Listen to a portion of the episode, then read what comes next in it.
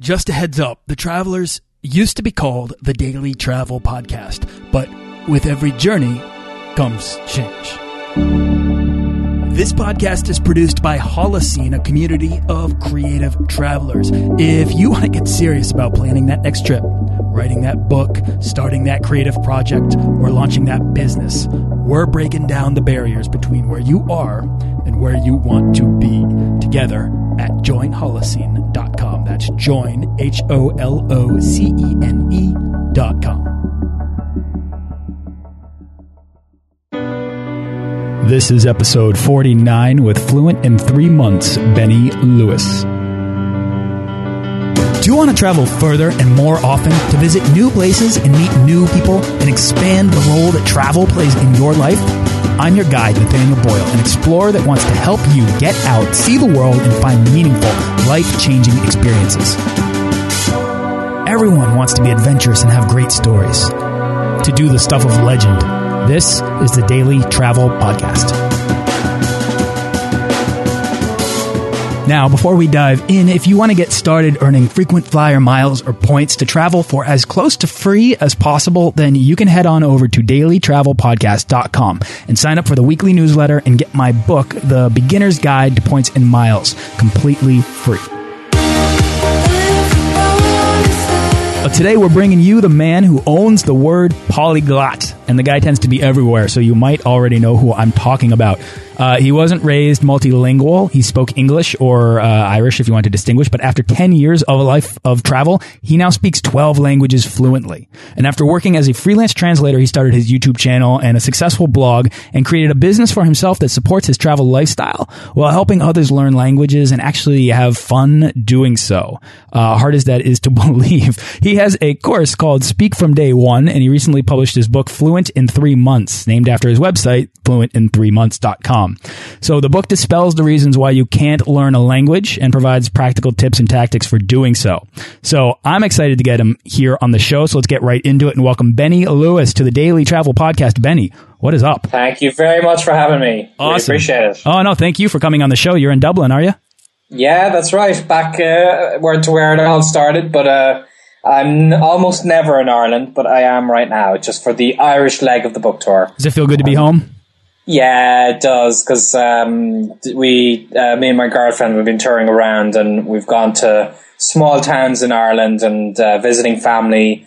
And Ireland's a really beautiful country and people are very friendly. So I'm always happy to be home. I love Ireland. I've been a few times. I can't get enough of it. I always look forward to going back. Dublin, I just I just experienced for the first time uh, just a couple months ago, and I had a blast. It's a fun little yeah. town.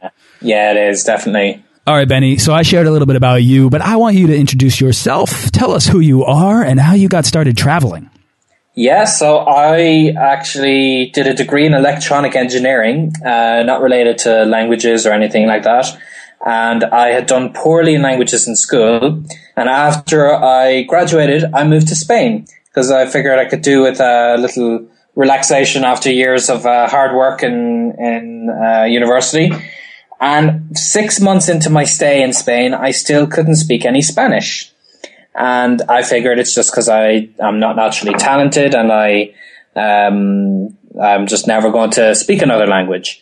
But I tried a different approach. I tried a more active approach, despite my lack of talent and uh, me thinking I don't, I don't have the genes for it. And I succeeded. And that was the the new theme of my travels was to go to a country and immerse myself in the language and in the culture of the people, and to make as many friends as I ca- as I could through the language, not just those who would speak English. And then, uh, like very late into my travels, like a good seven years into traveling around, I started the blog, um, uh, Fluent in three months to, uh, to share my projects of trying to learn languages and immersing myself in the culture. And the blog has grown to almost a million visitors a month. Um, and it's doing so well that I had to think of what, what else I could do. And that was to publish a book and, published it with Collins in Europe and with Harper One in uh, the US, and everything's going very, very well. Um, I feel I'm making a big difference to people's language learning lives because I'm giving them a message that I wasn't talented, so they don't have to be either. So let's step back for a minute and and just so I can understand your relationship to travel and and uh, uh, I mean, you, you get out of school and you study electrical engineering, which is, it, that's not an easy major to have. That takes a lot of work and it's very specialized. So you're probably thinking, uh, that you're heading down that, that trajectory, career trajectory. But rather than get a job there, you go and move to Spain and then find new fascinations. What happened there? That's, that's actually quite typical in Europe is to take a gap year. So that that wasn't particularly unique. Uh, you'll actually find a lot of people. In, I know it's not as common uh, stateside, but in Europe, um, we're we're very much encouraged to take a year out of our career uh, because it helps us grow as people and and ma- helps us to maybe see the direction we'd like to go in. So I was thinking along those lines that I'm taking a gap year. And after that, I'll go back to my career, having seen a little bit of the world but I, uh, the problem was that I did try to get some work as an engineer even while I was traveling, and I did get work as an engineer when I was in Paris. Um, but I wasn't very di- uh, different because there's it's a very hard degree, but there are still many people who get it. There are many, many electrical engineers. So I've combined my travels and what I've learned from traveling which is my case language learning. And that dramatically improved my employability because I started to translate engineering documents, which is so specific that I had to turn down work and keep increasing my rates. And that helped me have a location independent job long before I ever started earning via my blog. So, um, uh, initially this, this was actually a very normal thing. You take a year and you explore the world and you come back to your, your career. The only difference is uh, it's kind of been like a gap decade for me at this stage, you know, or perhaps just a life, if you will. yeah, that's that's how I like to see it. Absolutely. I mean, that's exactly Benny what I wanted you to say. The that's one of the, the missions of this show is really to kind of encourage the concept of the gap year to my audience who may or may not be uh, largely American uh, and might actually already be in countries in which the gap year exists. But just to encourage that because it does give you that opportunity to get out there, experience the world, find out where your talents lie, find out, you know, what uh, makes you tick, what excites you, uh, kind of just not just broaden your horizons, but actually teach you a lot about yourself so that you can make more informed decisions about life when you get back. And exactly. I mean, it's, it's all well and good. Uh, everyone I'm sure you've had on the show will confirm that having a gap year and, and traveling opens their horizons and makes them a little wiser about the world. But I'd, I'd say as well as that, it does does genuinely increase your employability. It does increase your um, your understanding of how business works uh, if you want to start one by yourself. So there are both the kind of uh, mental and spiritual benefits as well as the practical benefits. And that's, I always argue that point because a lot of people would say, I can't take a year off because if people see that on my resume, they'll think I'm I, I don't commit to anything or, or, something like that, which is absolute rubbish. Rubbish. Because there are so many opportunities you get through connections you make, through the things you learn. In my case, learning something that I could practically use in work, and through experiencing so many different walks of life that you can see one that opens up for you. Absolutely. Oh, that I think that's such an important message to make because that idea that you know, what will I do when I get back? Or nobody will want to employ me. Or what I completely agree. It's absolute rubbish. And you will empower yourself to make more decisions. You will come back more interesting. You will come back more informed. Um, yeah, I love to perpetuate and amplify that message every chance I get. So you go to Spain and you start kind of discovering these things, these interests and these talents that you have. Was there a moment in the past 10 years, maybe earlier on, in which you knew that you were never going to stop traveling, that this had actually become your lifestyle? Uh, not really. There wasn't a particular moment because it's it's always been. Uh, I've I've never had a long term plan. I've never decided. You know what? I'm going to spend the next ten years traveling. It's it's always been um, a story that I'm writing as I go along. So there's all. I've always been open to the possibility of um, of settling down within the next year or two uh, throughout my travels. Just that the right time hadn't come yet, you know, and uh, like I knew for the initial years that I did want to go to another country. So I knew when I was in one place that I was very likely to go somewhere else.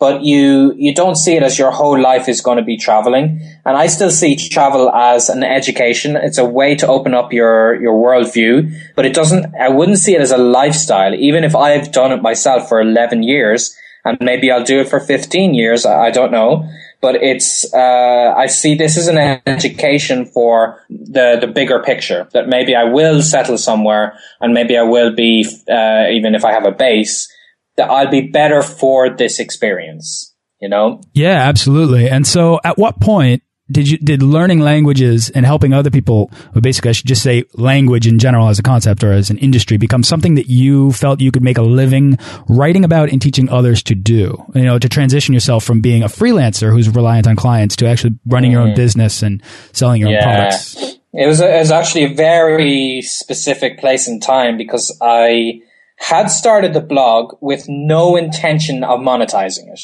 I did intend for it to grow very quickly and I intended for it to inspire people to learn languages because uh, I had been reading travel blogs for so many years that I had kind of uh, intuitively picked up a good idea of how a travel blog would work and how a blog in general would work. Um, but I just wanted to inspire people. I didn't think I could make money out of it.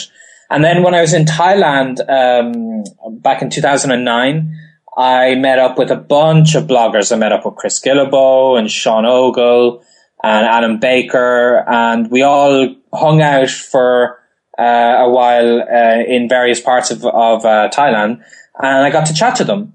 And I told them, "Oh, my blog it's grown to this many RSS subscribers this quickly," and they they thought that was amazing, and that I should make a business out of it. And my idea was that you can only make a business out of a blog if you plaster people with annoying advertisements. And they, they convinced me that no, you actually continue making free content and keeping your blog free and clear. But then you can come up with um, a kind of a premium ebook or a digital course, which you do on the side, and that could support you. And they convinced me enough that I figured I'd give it a try, and I, you know I could at least supplement my work as a translator.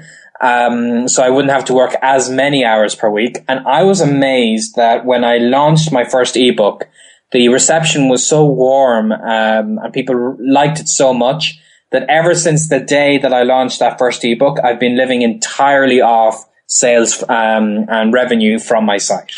It's amazing. Well, you've really you've really like owned in on a niche that you can own. I mean, again, when I said in my intro, polyglot is your word, man. Nobody else uses that. Nobody uh, lays claim to it in the way that you do. Um, if you Google the term language hacking, Benny, you're the top four results. I mean, that's pretty, that's pretty good. Here, yeah. here's my question actually, right on that topic. The word hacking kind of seems to indicate that you have found loopholes or ways to make language learning easier. Would you say that's true or not? I would say that's actually the exact opposite, believe it or not. Yeah. Um, I don't consider hacking to be the the easy way to do things, and I think that the quest to find the easy way to learn a language is uh, a fool's errand because um, that's not that's not actually what people want and what people need. People don't need the easy way; they need the best way. So hacking yes. is, in general, is the best way to, to solve a problem as efficiently as possible. It doesn't have to be as quickly as possible, although they, hacking would lean in that direction, but as efficiently. And I, I consider language hacking to be efficient uh, learning of a language, whereas a traditional academic approach is very inefficient. And in fact, I would tell people that my advice is very hard and it's uh, it's something that's going to make your brain melt. You're going to be working so hard because you cannot learn a language in a few months by leisurely lying on your couch while you're also watching TV at the same time. You know, you have to put hard work into it. And, and that's what I thought of when I figure hacking. I don't, I don't see a computer hacker necessarily as someone lazing about. I see someone intensively doing something on their computer. I see a life hacker as someone who investigates all aspects of how to improve their lifestyle. And that's, that's what hacking is for me. I like that. Benny, I, you know, I asked that not to put you on the spot. That was a great answer. I asked that because look, I'm a skeptic about learning languages in my 20s and 30s. You know, I can't, I can't learn any language in three months. Come on. I spent seven years studying French in school and I can barely order a cafe au lait today. Okay. So can, can, can you, uh, can I ask you to maybe crush that mindset that I have right now? Well, I had the exact same mindset. I took German. In, actually, I took Irish. Uh, Gael, you said Irish was uh, like my, my version of English. We actually call Irish the uh, the Celtic language, and I, I, would just say what I speak is English. and uh, the Irish or Gaeilge, uh, I took it for eleven years in school, and I couldn't even say my name is after all that time. Yeah. I also took German for uh, over five years, and I went to Germany at some stage and couldn't even buy a train ticket. So I'm in the same boat as you. And I think the problem is that people uh, tend to um, to put themselves in boxes that I'm a good language learner, you're a bad language learner, or something like that. And I, I think that's blatantly false. But to to, get, to give you something more convincing, um, I think the general attitude people have is that after a certain age, it's too late to learn language. That there's a cutoff age that once you pass it, you, uh, it's hopeless. And I've tried to find research to see if uh, I could back this up and see what what causes it. That maybe I could solve that problem, and I couldn't find anything. There's actually no research that has ever confirmed this from uh, really linguistics. Never. Wow. There's only a general trend of adults not learning languages as much as children. But this is more environmental if you think about it, because adults simply don't learn as much languages as, as a child has to learn a language by definition. Um, so it's really a misunderstanding of um, causation and correlation, you know. Uh, what I did find, and you'll find this interesting, is a study by the University of Haifa in Israel that showed that under the right circumstances, adults are better language learners than children. Huh. I do find and, that interesting and unbelievable. Yes, and the reason is it's how you learn. And if you think about it, if if you were to to look at those seven years that you were learning French. Yeah. And you just think, well, you see, seven years, I don't have anything to show for it. Therefore, I'm bad at French. That's one way to look at it. I, I would say another way to look at it is maybe you spent seven years doing something that was pr- pretty useless, you know, that you, maybe you were sitting in a class with a teacher talking at you and maybe you weren't so interested. So you weren't paying attention. And maybe it wasn't actually seven years, but it was one hour every week, uh, just for a few months a year. And when you add it all up and you really look at what, what were you actually doing in this time, this is not something that makes a French speaker. And it's regardless of whether it happened to you or somebody else. There are just some people who happen to um, learn the language in, in a way that they will adapt to the inefficiencies of a traditional approach and learn a, la- a language despite that. Now, what I would say is you just have to learn a language the right way. And what I found uh, universally is that people who say they don't speak a language have never tried to speak a language. So out of those seven years that you were learning French, how many times did you actually speak to a French person? Yeah, certainly not enough. Uh, I could probably count it on one hand. Yeah, so that that's the problem that you were studying grammar and words and maybe doing exercises in a book. And I advise people to do something very different. I would say from the very first day that you start learning the language, get in touch with a native speaker, which you can do via Skype. You don't have to travel to their country and start speaking to them. If you know only 20 words, use those words. Another kind of counterintuitive approach, if you think of it academically, is I don't encourage people to correct every mistake and do an exercise to make sure they have it perfect. I actually tell people to make as many mistakes as possible. So this is a very different approach to an academic approach and it's something you know you could do. If I told you, go to that French person and say in perfect French that you want a coffee, that's a very Im- intimidating thing to do. That's not something that you would be confident in doing. But if I said, go to that French person there and do whatever it takes without speaking English to get a coffee, you could literally walk up and speak Tarzan to them and say, uh, cafe, uh, je veux, uh, and, and you will, you know what? You will actually get a coffee out of that. It, it, and it sounds ridiculous, but people need to embrace this muddling by stage, embrace being a beginner. And when you're okay with that, you start to see you actually achieve something. You communicate. And then when you've confidence in communicating, then it's time to actually come back and uh, tidy up your mistakes.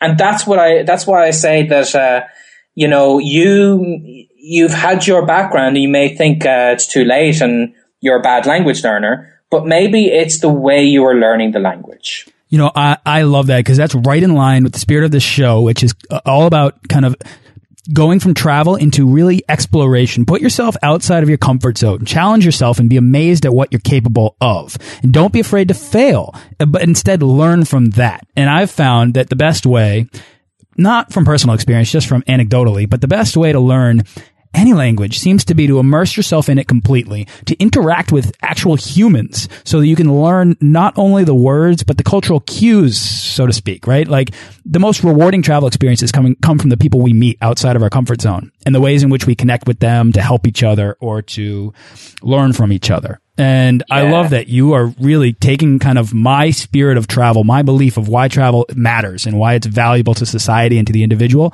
aligning that with this learn this this process of learning language. It's to me that gets me really excited because in a way that sort of asks, answers my next question, which is why language? Why is language something that's challenging for even the most, you know, enthusiastic lifelong learners and explorers to learn? Why is learning a language rewarding for world travelers? Well, uh, language, learning a language is hard. And this is why I tell people you shouldn't learn languages you should speak languages.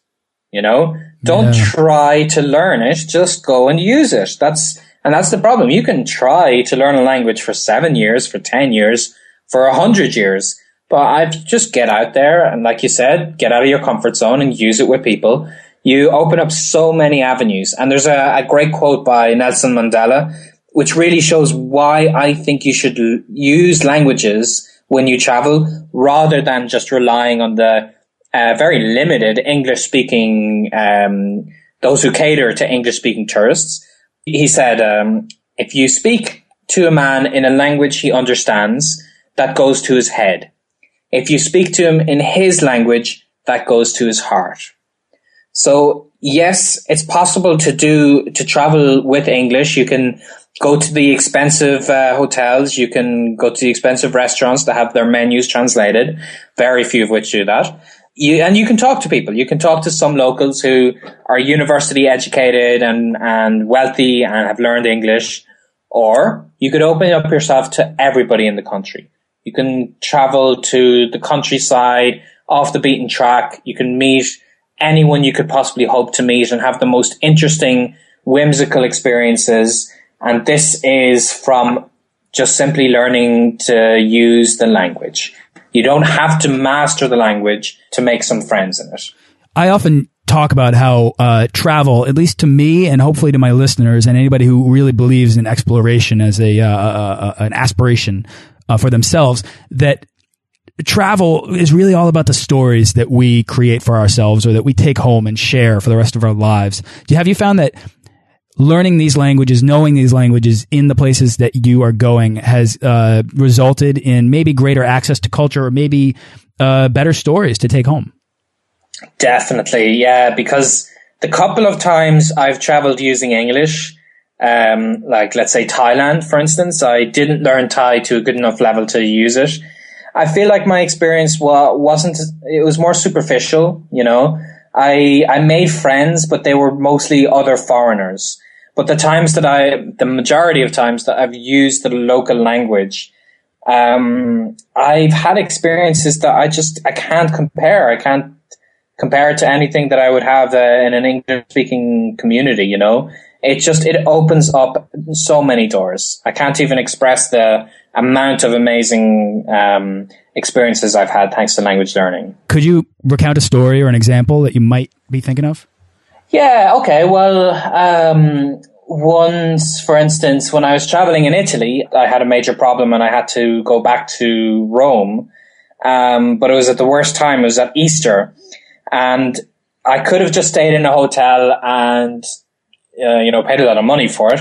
But instead, I, an Italian I knew who I would only speak Italian to, actually invited me to his house to eat uh, Easter dinner with his family. So I got to experience four generations of Italians speaking to one another and interacting with me, which is just impossible. I mean, I could have attended the dinner, but I wouldn't have been able to uh, experience the conversations and the people if I didn't use the language. Absolutely. I love that. It's amazing to me that you just brought up Italy in this circumstance because there was this one time in Italy in which I was this is a kind of an embarrassing story, but I was driving back from uh, Pisa back to Rome and I was on the A1 and I thought I had enough gas and turns out I just did not. And there was no, I passed that like next gas station, 27 kilometers. About 10 kilometers later, car dies right on the side of the highway. Sun's going down. Uh, I'm like, okay, there's an emergency call box. I go use that. Nope, I'm in Italy. It doesn't work. So, mm. So I'm like, oh no, what do I do? And so what I end up doing is I see like maybe a couple fields away from the highway, there are these kids playing ball. And I'm like, well, maybe I'll go over to their house. So I wander through these fields, go up to the, the fence and uh, the mother comes over and then the father and i'm standing there trying to without knowing italian i mean i know here and there a couple words but trying to explain to them uh, to people who don't speak any english trying to explain to them in italian that i'm struggling with that my car is out of gas and that i need help and as it turns out, they actually had a gas can, and I had an amazing interaction with them. But just having the uh, having that experience to interact with somebody to struggle to struggle and fumble through a language, and but to, just to try, um, it really did. It really did uh, create this life changing experience for me, and uh, and I love I just I love that that you brought up Italy because it just reminded me of that story, which is yeah, and it, Italians, like many different cultures, they're so friendly and open, and they they embrace they like it when you use the local their language with them you know yeah yeah yeah i think i've found that cultures really respect when you uh, try to use the language um, and very rarely do you get laughed at unless you're in unless you're just you know hanging out with friends and they like to they like to tease you um, Benny, this has been awesome, man. I uh, all right, my mind is pretty changed. I kind of want to uh, give it a go and try it and uh, start incorporating language into my travels more. What's next for you, man? Where's your next trip and what's your next project? Um, I am focusing this year not on learning a new language, but on inspiring other people to learn languages. So um, I'm making like a video series where I help a beginner language learner get started. I'm going to many, many cities in the US now that I've already done the UK and Ireland. So if people go to my blog, they'll see the book tour and I'd be happy to meet up with them in person if they want more inspiration for language learning, they could get my book, Fluent in Three Months, or I've got a, like I mentioned, a digital product which goes into more detail. And I'm essentially going to spend a year doing that to meet people one on one and try to inspire them to learn a new language and hopefully create a movement. I love that. That's exciting, man. That's that's pretty kind of. Uh, I mean, that's grassroots approach towards helping people break out, learn more languages. I know we need that in our country in America. So please, uh, please come over here and get get that going. Yeah, I'm on my way. All right, awesome, Benny. Where can people go to find out more about you? Just go to fluentin3months.com. All right, man. Is there anything else you'd like to share about travel, about language, about anything uh, before we wrap up? I think that's about it. Like, like I said, um, people should embrace other cultures, and language and culture are intertwined. They are absolutely. Uh, Benny, everyone should check out your book at fluentin3months.com. Uh, I or you can get links to anything and every product that we talked about on this show right in the show notes at dailytravelpodcast.com slash Benny dash Lewis. Benny, thanks so much for coming on the show. I really appreciate it. Appreciate it too. Thanks for having me. Thanks for listening to this episode of the Daily Travel Podcast. For show notes and links to everything in this episode and more, head on over to dailytravelpodcast.com. Join our Facebook page of explorers and subscribe to our newsletter for the best deals and resources to help make your next trip life changing.